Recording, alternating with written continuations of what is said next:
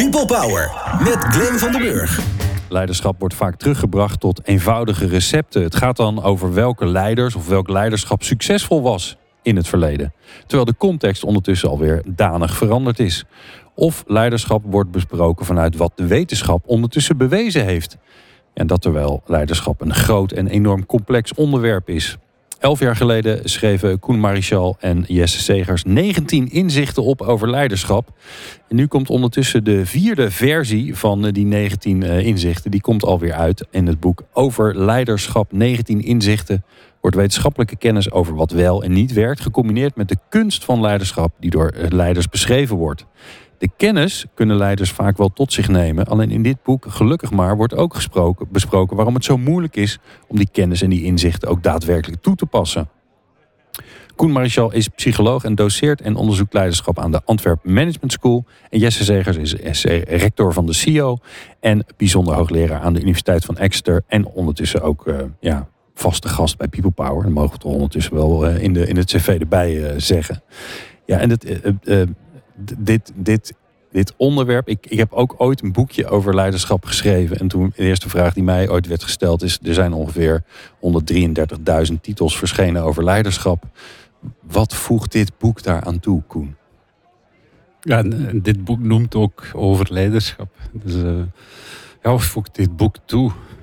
Uh, ik ken al die andere boeken niet, dus dat is heel moeilijk te beantwoorden. nee, dat zou, dat, zou, dat zou knap zijn als je allemaal gelezen ja, had. Ik denk dat onze betrachting is om een heel uh, open, integrale kijk op uh, wat heeft er allemaal mee te maken, op een uitnodigende manier brengt. en ook heel eigen tijd. Dus wat, wat, wat hier en nu aan het gebeuren is en nodig is rond leiderschap. En that's it. Ik denk, ja. ja. En is dat ook waarom je dus elke paar jaar weer eigenlijk een nieuwe, nieuwe inzichten uh, moeten brengen in een nieuw boek met die 19 inzichten over leiderschap. Yes. Is dat dan gewoon nodig omdat de wereld verandert? Ja, dat is onderdeel uh, van de reden. Uh, dus omdat de wereld verandert, ik zeg maar iets, in onze allereerste versie had er niet zoveel rond macht en politiek, maar ja, dan komt er zo iemand als Trump langs en dan gaat het heel veel daarover. Uh, vandaag zien we puzzels rond uh, vertrouwen hebben in het systeem. En dan krijg je natuurlijk, ja, hoe bouw je nu als leider systeemvertrouwen? Dus dat is het eigen tijdse. Anderzijds zijn er ook wel inzichten, uh, en dat is dan ongeveer een derde. We noemen dat wat evergreens. Die waren er tien jaar geleden al. Dat het ook gaat over verbinding maken met mensen. prima, die hadden we in 2011 nu nog.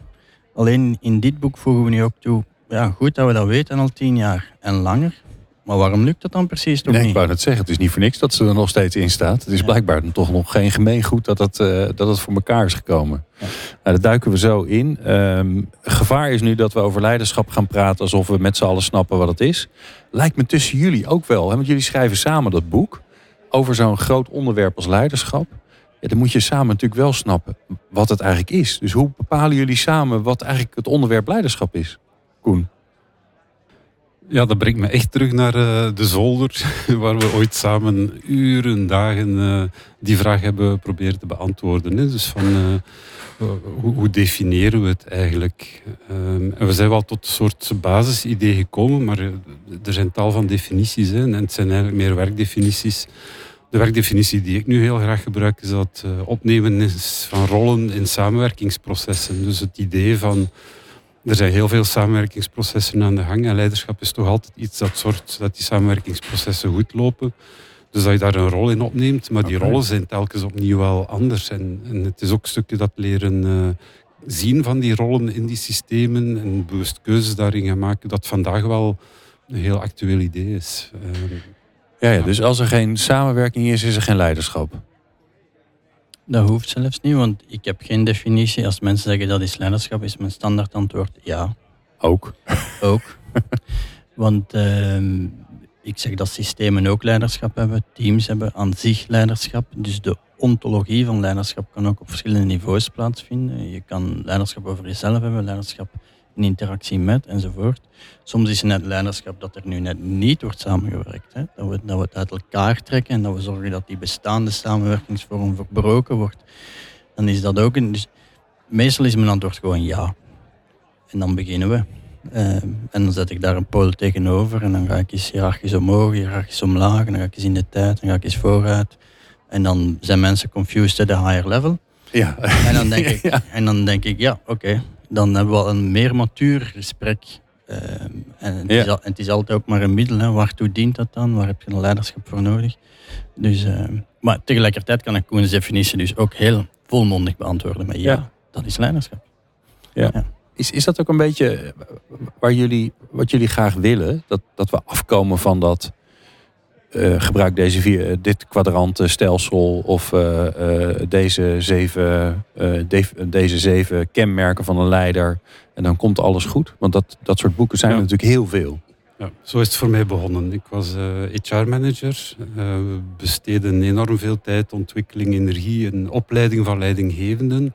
En parallel groeide eigenlijk het onbehagen over het leiderschap. Dus er was meer en meer een stuk ongemak. En, en eh, het werd ook meer en meer benoemd als echt een bedrijfsrisico. En dus we zijn eigenlijk onderzoek beginnen doen van wat gebeurt daar eigenlijk. We, we, investeren ontzettend veel onderzoek en kennis en... eh, in leiderschapsopleiding en toch wordt het onbehagen steeds groter. Dus en dat is eigenlijk heel de zoektocht geworden waar we nog altijd mee bezig zijn. En de eerste bevinding was wel van ja, je kunt het niet gaan opsluiten eh, en verengen tot, tot één waarheid. En, en er ontstaat veel onheil als je dat doet. Ja, als je als bedrijf gaat zeggen van dit is het en we willen dat iedereen die binnenkomt, van bij selectie tot, eh, tot en met promoties, het op die manier doet, ja, dan, dan verlies je al heel veel potentieel aan leiderschap. En dat is eigenlijk een soort basisbevinding, denk ik, waar we nog altijd mee aan de slag zijn. Waar zijn, het is wel mooi dat jullie ook zeggen, het heeft ook te maken met het moment in de tijd, de, de tijdsgeest, wat er nu speelt, wat we, wat, we, wat we hebben geleerd in de afgelopen tijd, bepaalt ook weer hoe leiderschap eruit ziet. Waar zijn leiders nu naar op zoek? Wat is het houvast wat ze zoeken? Dat is een gelaagde vraag. Welke leiders? Het is de one-liner die Jesse altijd doet in het programma. Ja. Eh, in die zin, dat- ik zeg, ik zeg het half lachend, maar ik, ik meen het tegelijkertijd ook, omdat, omdat het natuurlijk heel moeilijk is. eh naar gelang welke leider in welke context en met welke geschiedenis en welke toekomst enzovoort. Maar waar mij dan fascineert, ehm, en dat is dan mijn selectie natuurlijk, ik ben de laatste tijd eh, erg zoekende. En ik merk dat ook wel bij, bij bestuurders dan, zeker van wat grotere organisaties. eh, over hoe zorg je dat er terug vertrouwen komt in systemen. Eh, ik gaf het daar straks al aan, en, en, hier in Nederland heb je dat dan ook. Hè. Ruud eh, gaat over een nieuwe. er is een nieuwe eh, besturingscultuur, maar doet het wel met dezelfde partijen. Je ziet allerlei vertrouwen dalen, of tenminste in de, in de pers wordt dat gezegd, over, eh, over al die uitvoeringsorganisaties. Maar in Vlaanderen evengoed eh hebben we heikele punten over eh, stikstofbeleid en, en, eh, en kindercrashes en, en dergelijke. Dus hoe zorgen we ervoor dat mensen het systeem terug vertrouwen in plaats van de mens? Want de laatste is wat de populist doet. Die zegt letterlijk van vertrouw mij en vertrouw niet het systeem. En als je mij dan genoeg bewegingsruimte geeft, dus zorg ervoor dat ik geen checks en balances heb, dan kan ik het systeem veranderen. Hm. Eh, en dat is zie de je, weg en- naar, dik- naar een dictatuurschap, klinkt Voilà. En, en dat zie je ook in die studies. Hè. Dus als een populist verkozen wordt, wat soms gebeurt, à la Trump bijvoorbeeld, dan als hij in dat systeem is, probeert hij al die checks en balances uit te hollen. eh, zodanig dat hij gewoon zijn goesting bij manier van spreken kan doen.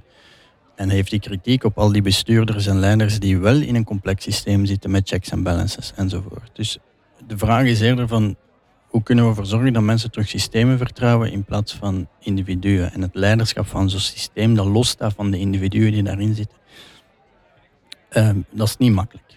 Ja, want, want hoe vertaalt die, die zeg maar meer eh, maatschappelijke of politieke werkelijkheid, hoe vertaalt die zich door in, in organisaties? Zie je datzelfde dan terug? Dat, dat we op zoek zijn naar een soort sterke CEO of sterke voorzitter van de raad van bestuur die zegt, kom maar jongens, ik neem jullie mee. Ik, eh, ik merk wel dat dat terug een, een thema is. Dus dat eh, sterke leidinggevenden. Dus, we hebben heel die periode gehad van zelfsturing, participatief leiderschap.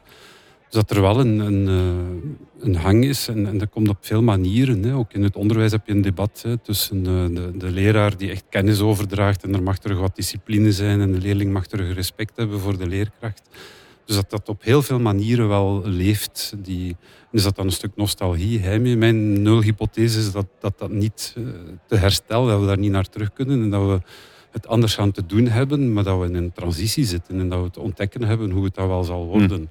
En het zal niet zijn door terug te grijpen naar, naar die oude denkbeelden die, eh, die met onzekerheid en angst te maken hebben. Dus een thema, als je me vraagt van waar zijn leidinggevende vandaag mee bezig is, het heel hard, uh, ja, hoe, uh, hoe blijven we in die onzekerheid staan en tegelijkertijd vooruitgang boeken. Hè? Ja. En niet naar valse zekerheden gaan. En ik merk dat dat is iets wat me opvalt. Er is, er is eigenlijk geen enkele leidinggevende meer in een organisatie die ook niet maatschappelijk bewogen is en bezig is met wat een maatschappelijke problematiek is. Je werkt in een farmaceutisch bedrijf en elke, elke manager is daar ook wel bezig van uh, hoe denkt de maatschappij over de farmaceutische industrie.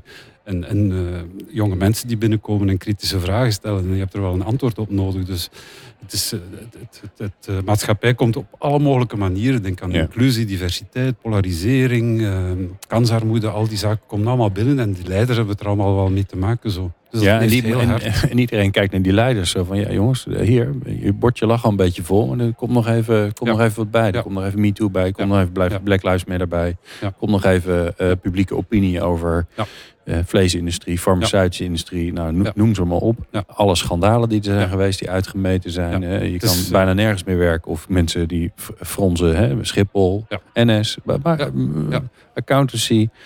Ja. dat is een uitdaging. Ja. Wat zouden leiders zichzelf moeten gunnen in deze tijd voor hun eigen ontwikkeling?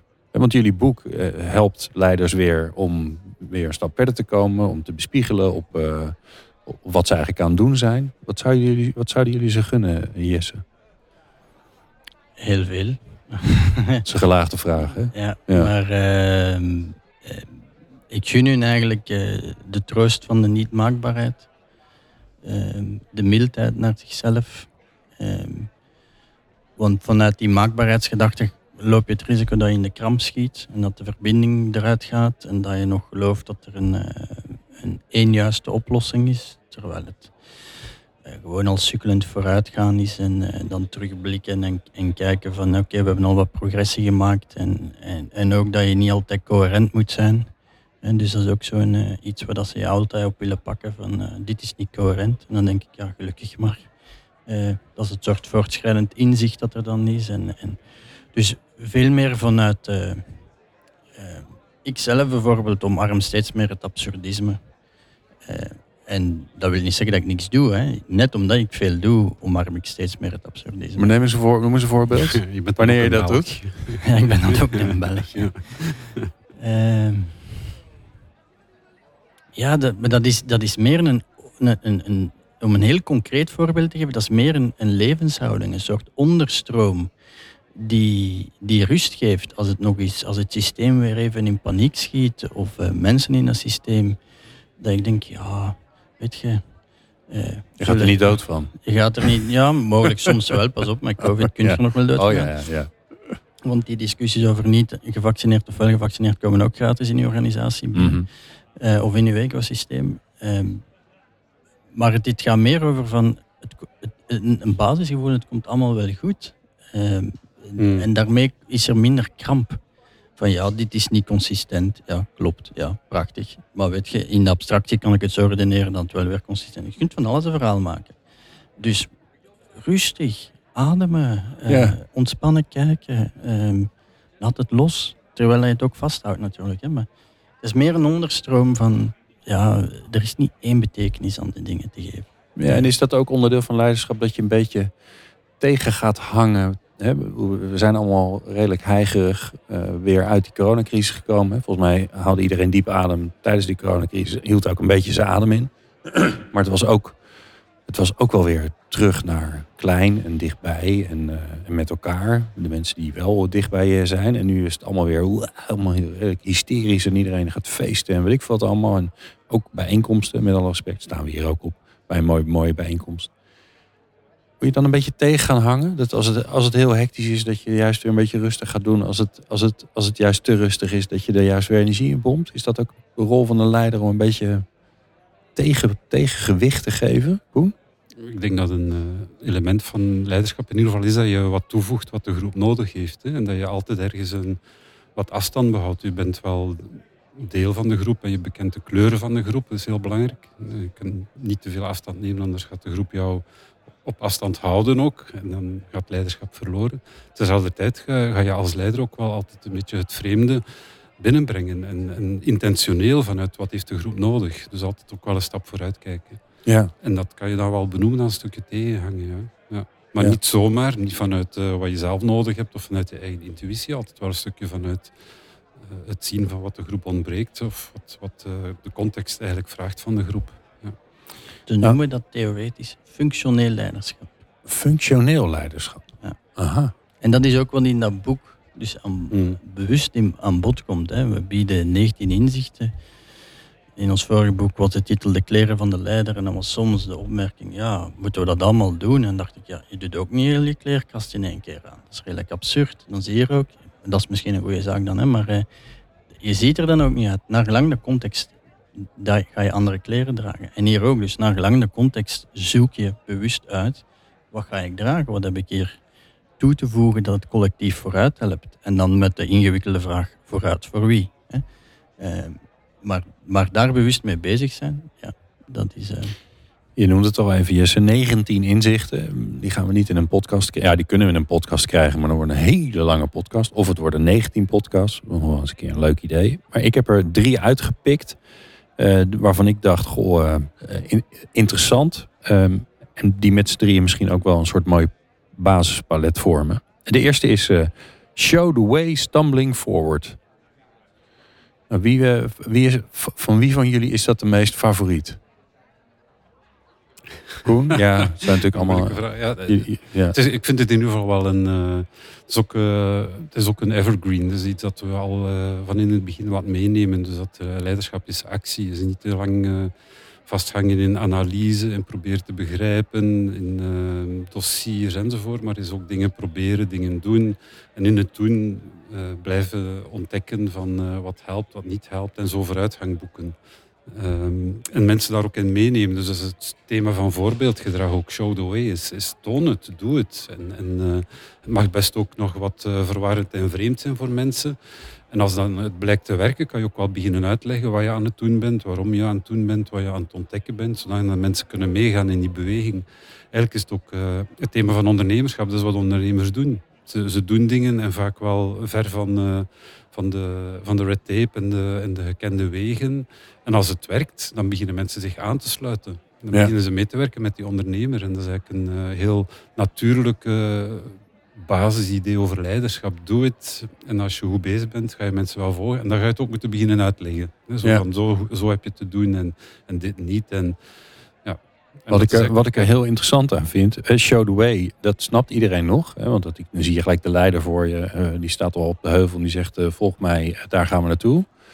Eh, maar dat klinkt, hè, als je dat plaatje voor je ziet, dan, dan is het alsof er een plan achter zit. Hè. En vaak als je de boeken leest over ondernemers, wordt er ook altijd gedistilleerd van wat doet hij nou precies.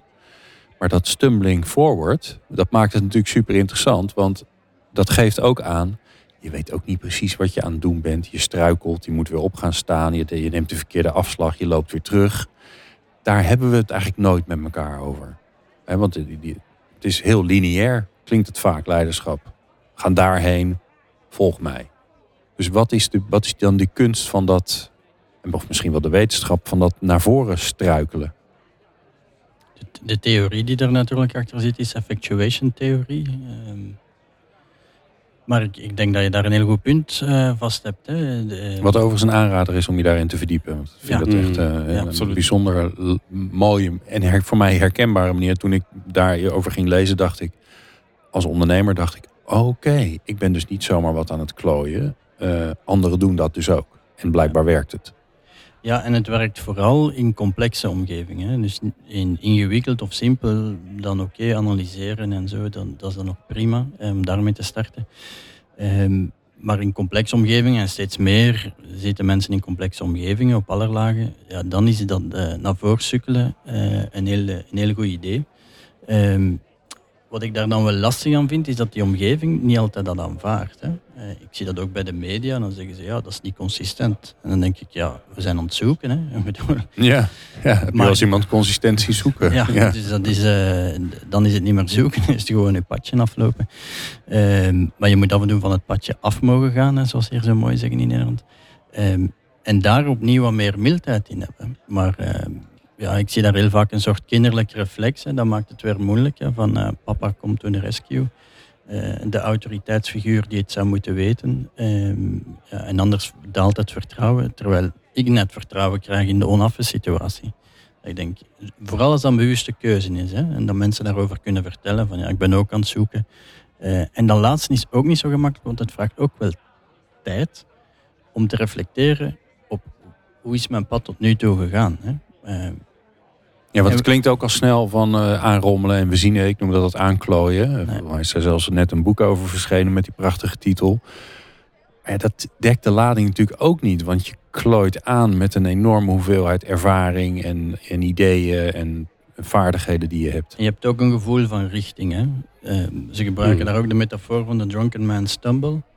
Uh, maar iemand die dronken is en naar huis wil, heeft wel een, een gevoel van waar dat, dat huis ongeveer staat. Hij gaat niet de rechte lijn nemen. En als je die metafoor doortrekt, gaat hij vaak luidruchtig vertellen wat hij aan het doen is. Maar wij zijn allemaal dronken in die VUCA-wereld. En dat geeft ons net vertrouwen. Ah, die gaat naar zijn fiets. Ah, ja. Um, dus dat is, dat is net... En of dat hij binnen mag thuis, dat weet je niet. Maar of dat die, hij gaat zijn huis wel herkennen. Hij weet ongeveer, het is die richting uit. Dus het is niet zomaar wat doen. Hè. Dus je hebt wel een, een plan om het dan te kunnen loslaten. Als je verdwaald bent en je moet nog een plan maken, dat is wel een pak moeilijker dan een plan hebben en dan verdwalen en teruggaan. Ja, uh, ja want dan weet je wanneer je op het verkeerde pad bent ingeslagen en dan weet je dat je om moet rijden. Ja.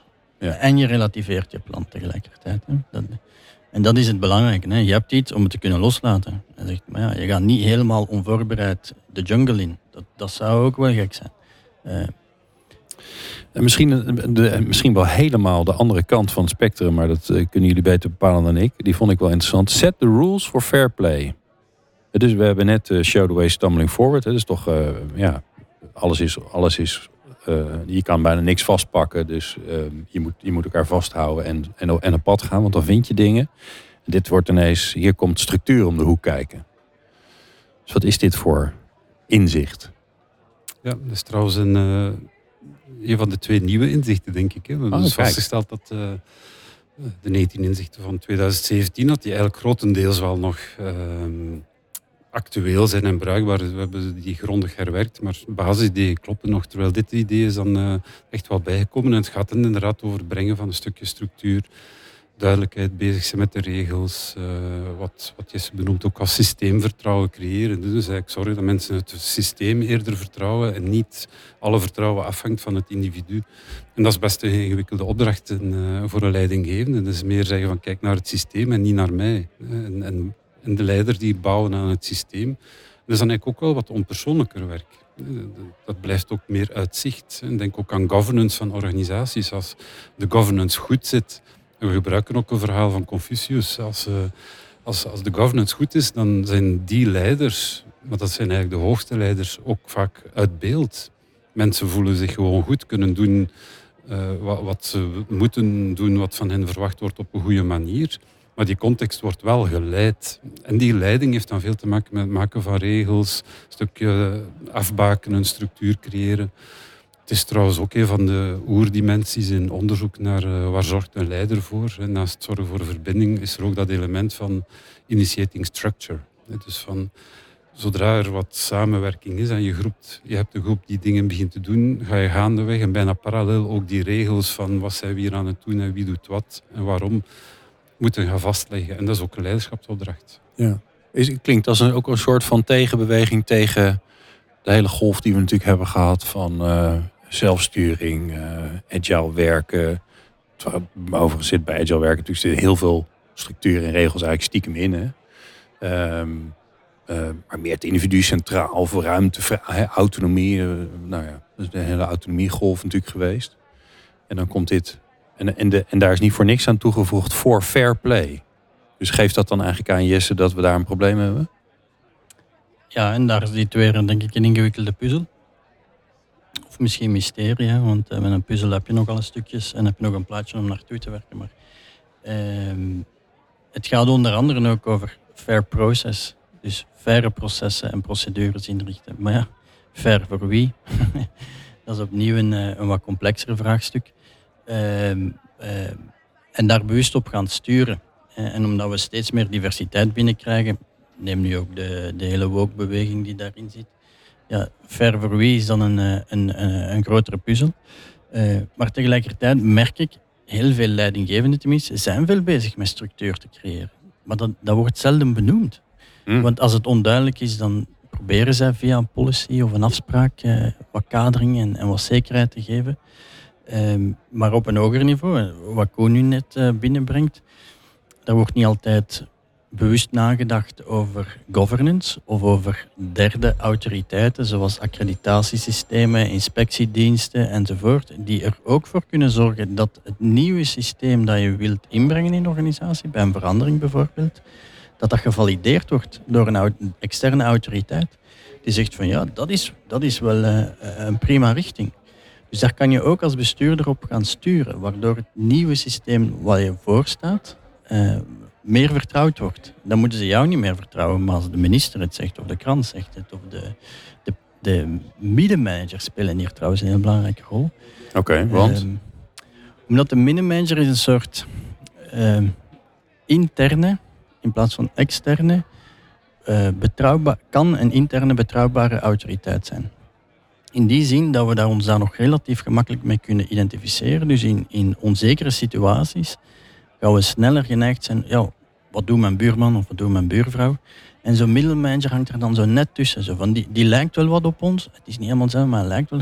Dus als die middelmanager zegt van, ja, die nieuwe verandering, ja, ik geloof er wel in, dan heb je kans dat ze het gaan, dat ze het gaan vertrouwen. Maar als die middelmanager zegt, ja, ja, ja ik, ik snap wat dat ze zeggen, maar jongens, het zal hem niet worden hoor. Ja, ik, moet het, ik moet het ook mee. Hè. Ik, moet het ook, doen. Komt ook maar bij mij het is onderdeel van mijn Vergeet dat die verandering ooit lukt. Hè. Dus in, dat, in dat veld of in dat systeem is weer die mens in het midden van zijn organisatie best vitaal. Eh, omdat dat de interne autoriteit is versus de externe autoriteit. Maar je kan daar bewust op gaan sturen natuurlijk, hè, als, als bestuurder. Hè, ja. eh, om meer vertrouwen te creëren in je systeem. Ja. ja, en ik kan me ook voorstellen, als je, als je, dit, als je dit zo vertelt, dat ik denk, ja, er wordt natuurlijk hè, zeker nu heel veel uh, over openheid, over speak-up, uh, de stem van iedereen laten horen in de organisatie. Of het nou is om misstanden aan te kaarten, of om nieuwe ideeën aan te brengen, of om ongenoegen uit te spreken. Maar ik hoor je eigenlijk zeggen, Jesse, ja, als je dat allemaal wil, dan moet je ook zorgen dat dat, dat systeem ervoor is. Want anders dan ben je nooit veilig. Ja, zeker. Dus je dient, uh, en dat staat ook mooi beschreven, op elk niveau moet je dan die kaders zetten. Hè. Dat is onderdeel van de psychologische veiligheid. Amy Edmondson dan, hè, in de relationele vertrouwen in plaats van systeemvertrouwen heb je ook dat je zegt van het zijn duidelijke afspraken, dit is hoe dat we het gaan doen. En als mensen die afspraken overschrijden of zich daar niet in houden, dat je daarop corrigeert. Hè. Dus dat is het structuurelement uh, inbrengen. Maar je kan dat dus ook nog op een hoger niveau als het relationele vertrouwen doen. En, en dat is een, een ontdekking die we, die we deden van heel veel die misvatting dat het psychologisch onveilig is. Hè, dat mensen denken, het ligt aan de relatie, die onveiligheid. Terwijl je dan merkt dat in organisaties zeggen, nee, ik heb een mooie relatie met mijn leidinggever, we kunnen kwetsbare gesprekken hebben, maar toch heb ik een onheimelijkheid. En dat is omdat ze dat nieuwe systeem niet vertrouwen. Ehm, dus het zit op het systeem wantrouwen. Uh, en daar heb je andere dingen op te doen als leidinggever of als leider dan op uh, psychologische onveiligheid. Mooi. Uh, de derde en laatste die ik met jullie wil bespreken is step on the scene, make the play, Koen. Ik, zie, een, uh, ik zie een toneel voor me. Ja. Um, ja, en het toneel is een beetje het politieke toneel of de politieke arena zoals we die ook in organisaties hebben. Uh, Step on the Scene is echt, uh, dat, dat is eigenlijk heel, uh, heel, al een heel tijdje actueel, dat we zien dat leiderschap in organisaties, waar het vroeger zich kon beperken tot ik leid mijn clubje, mijn afdeling, mijn mensen, mijn proces, mijn domein, dat eigenlijk de betrokkenheid op die externe omgeving heel belangrijk wordt. Dus dat je relatie dient te ontwikkelen, die dient te verbinden met actoren, uh, mensen met uh, invloed, macht in je organisatie en een soort samenwerkend vermogen ontwikkelen.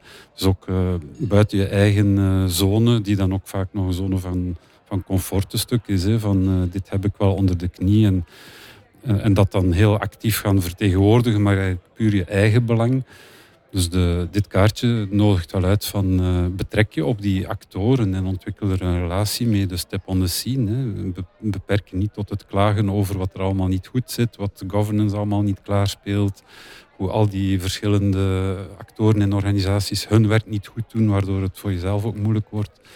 Nee, uh, neem het touw een stuk in handen. Dus Ja. ga die verbinding aan. Ja, je bent als leider ook leider van de hele organisatie. Ook al heb je een afdeling. En misschien zelfs wel in de maatschappij heb je een rol te spelen. Goh, leider van heel de organisatie. Je, bent wel een actor. Ja? Je bent wel een, eh, een element dat mee bepaalt hoe het systeem beweegt. En, eh, we hebben over middelmanagers gesproken. en die, die hebben vaak dat beeld van ja, we zitten helemaal vast, hè, stuk in de middel. Eh, Het is eigenlijk de uitnodiging van wo- word een actor ook van, van verandering in, eh, in, in, in jouw omgeving. Dus je bent dan niet onmiddellijk leider van, eh, van de organisatie, maar misschien wel een, eh, een positief eh, element in het systeem. Ja. Dat, eh, dat eigenlijk ja, mo- moeilijke zaken, patronen, eh, dynamieken, silo's, al dat soort dingen, eh, toch ook al mee een, een oplossing bewerkstelligt. Eerder dan je af te zetten tegen die omgeving die dan niet goed is. Dus ik zie iemand op dat, op dat toneel stappen. En, en, en hoe moet ik dan make the play duiden, Jesse? Ja, dus de, de, eerste stap is inderdaad eh, voorbij de inhoud meer naar het politieke veld. Dus je step on the scene. Dus je ontwikkelt politieke wil. ehm, om vervolgens make the play. En het is wel play, hè. Ehm, dus een arena mag ook. eh, maar binnen die arena gaan we dan wel een spel spelen. Ehm, en we gaan niet op zijn Romeinse leven en dood doen. Ehm, in die zin dat je probeert naar die win-win-win situatie eh, te gaan zoeken. Ehm, en dat je, dat je het eh, ook speels houdt en een zekere lichtheid. Want dat staat ook in dat hoofdstuk, de, de complexiteit van, van wat macht met jou doet. Hè. Dus als je goed wordt in dat spel, dan verwerf je meer invloed of macht in een organisatie. Maar de crown weighs heavy. Hè. Dus op een zeker moment doet die, doet die kroon ook iets met jou. Voor de mensen die de laatste borgenreeks hebben gezien, zie je wat er dan gebeurt als je lang aan de macht bent. Eh, dat staat daar ook in beschreven. Ja, Dus het klinkt ook een beetje als Machiavelli. Hè? Ik bedoel, eh, step on the scene. En je, gaat, en je komt in dat politieke spel. En dan ga je... Nou, dan, en wij hebben natuurlijk bij politiek spel niet echt een hele positieve gevoel gelijk. Maar ik hoor je eigenlijk zeggen, Jesse... Ja, het is spelen. Dan wordt het ineens heel anders. En dan wordt het uitproberen. En dan wordt het elkaar een beetje uitdagen. Maar wel op een Ja, het is, positieve het is niet manier. het idee van de politieke strijd met een winnaar en een verliezer. Maar het is, het is meer het spelelement en het licht houden. En, eh, en, en met elkaar zoeken van hoe kunnen we het hier leuk maken. En dus ook dat open idee. Hè. Dus in, in het woord play dat we hebben. eh, zit ook het idee dat het eh, een positive sum game kan zijn en geen zero sum. Eh, maar ja, eh, macht is niet neutraal, het doet van alles met mensen. En als je er niet voor oppast, dan stap je in de valkuil van de almacht. En dan wordt het geen spel niet meer. Maar dan wordt het eh, leven en dood en wil je die macht niet meer afgeven enzovoort. Dus dat is wat het ook weer moeilijk maakt. Het, wordt moe- het is moeilijk om in te stappen, maar het is ook moeilijk om het spelelement erin Ja, want te als je houden. erin gestapt bent en je bent, blijkt er ook nog eens een keer dingen voor elkaar te krijgen, dan krijg je macht en dan kan je daar heel veel last van krijgen. Ja, en vaak zonder dat je het nog weet ook. Ja. Het zijn vooral de anderen die er dan last van krijgen. Ja, en die zeggen dat vervolgens niet tegen je. Nee, en jij denkt, ik ben goed bezig voor, eh, voor het geheel eigenlijk. Hè? Maar je, je hebt ook minder eh, talent voor introspectie op dat moment. Dus je voelt al niet meer dat je niet meer in sync bent met het geheel. Ook al zeggen anderen dat, maar ja, die, die een opinie, dat doet ook met macht. Die ga je rapper disqualificeren, want die zijn minder machtig. Moet je minder rekening mee houden, enzovoort. enzovoort. Dus, en dat is typisch wat het boek ook doet. We geven een inzicht en denk je, ja, leuk dat ik dat weet. Kon ik in een ander boek ook vinden. Maar wat, maakt- wat maakt het nu moeilijk om te doen? En we zeggen er dan ook nog bij, en wat kan je dan nog wel doen? Maar daarvoor moet je het boek lezen natuurlijk, Glenn. Zeker, ja. Ja, nee, zeker. Nee, niet alleen lezen, ik zou het eerst kopen. Ja. Dat, Ja. Dat, ja. Of bij de bibliotheek halen, dat is ook lekker duurzaam natuurlijk. Ehm ja, weet je, de laatste vraag die ik aan jullie heb. Als ik leider zou zijn en ik zou dit, dit boek lezen, dan denk ik het zijn 19 inzichten. En jullie geven eigenlijk samen al aan, je hoeft ze niet allemaal tegelijk te doen. Hè. Je moet niet al die kleren tegelijk aantrekken, maar eh, afhankelijk van de wereld waar je zit, context, de tijd, het probleem, het vraagstuk enzovoorts. Maak je keuzes van, oh, hier kan ik dit mooi eh, eh, eh, gebruiken om te reflecteren of toe te passen. Het blijven 19 dingen waar je dus blijkbaar als leider redelijk goed in moet zijn en voor elkaar moet krijgen. Kun je dat wel vragen aan mensen? Dus ik wil eigenlijk een beetje eindigen met toch ook jouw oproep, Jesse, van mildheid naar jezelf. Want als iedereen deze 19 dingen moet kunnen, dan, eh, dan krijgen we weer allemaal eh, supermensen die, waar we, die we nastreven. Ja, en de laatste is de oertheorie, de Great Man-theorie in 1900. Uh, ging al over dat idee dat we dat allemaal moesten kunnen. Uiteraard niet. Maar het is wel handig om te weten dat bepaalde contexten dat vragen. Als jij het niet kan, zoek dan iemand op waarmee dat je het samen kan doen. Maar heb er wel begrip voor en begrip van wat dit, dat dit een vorm van leiderschap is en dat dat soms nodig is in een context. dat je soms absoluut helemaal beslagen op de inhoud moet zijn. Dat is in zich 2 dat erin staat. Uh, know what you're talking about. Maar dat je soms ook helemaal op het politieke veld moet zitten. En als jij niet van de politieke bent, uh, veroordeel dan niet die mensen die dat heel goed kunnen, want dat is bij momenten nodig. Maar ja, gaat daarmee sterk, samenwerken. Ja, ja inderdaad. Hmm. Sterker nog, hè, wat het interessant is natuurlijk, het gaat weer over uh, leiderschap. En het, toch, het voelt een beetje als een ik-ding, maar eigenlijk is leiderschap een wij-ding je moet het, die 19 dingen met elkaar moet je dat eigenlijk kunnen. Ja, dan kom je op de definitie van Koen ook snel. Hè? Welke rol wil je optekenen in welk systeem om samen te werken? Zo is alles weer rond. Ik dank jullie zeer. Uh, bijzonder interessant. Uh, Koen Marichal en Jesse Zegers schreven het boek over leiderschap 19 inzichten. Uh, verkrijgbaar in iedere betere boekhandel en natuurlijk online. Maar ik zou hem lekker in de boekhandel kopen, kopen want die kunnen wel wat steun gebruiken. dank je wel Koen en Jesse voor het mooie gesprek. En jij dank je wel voor het luisteren natuurlijk. Meer afleveringen vind je op peoplepower.radio en jouw favoriete podcast app.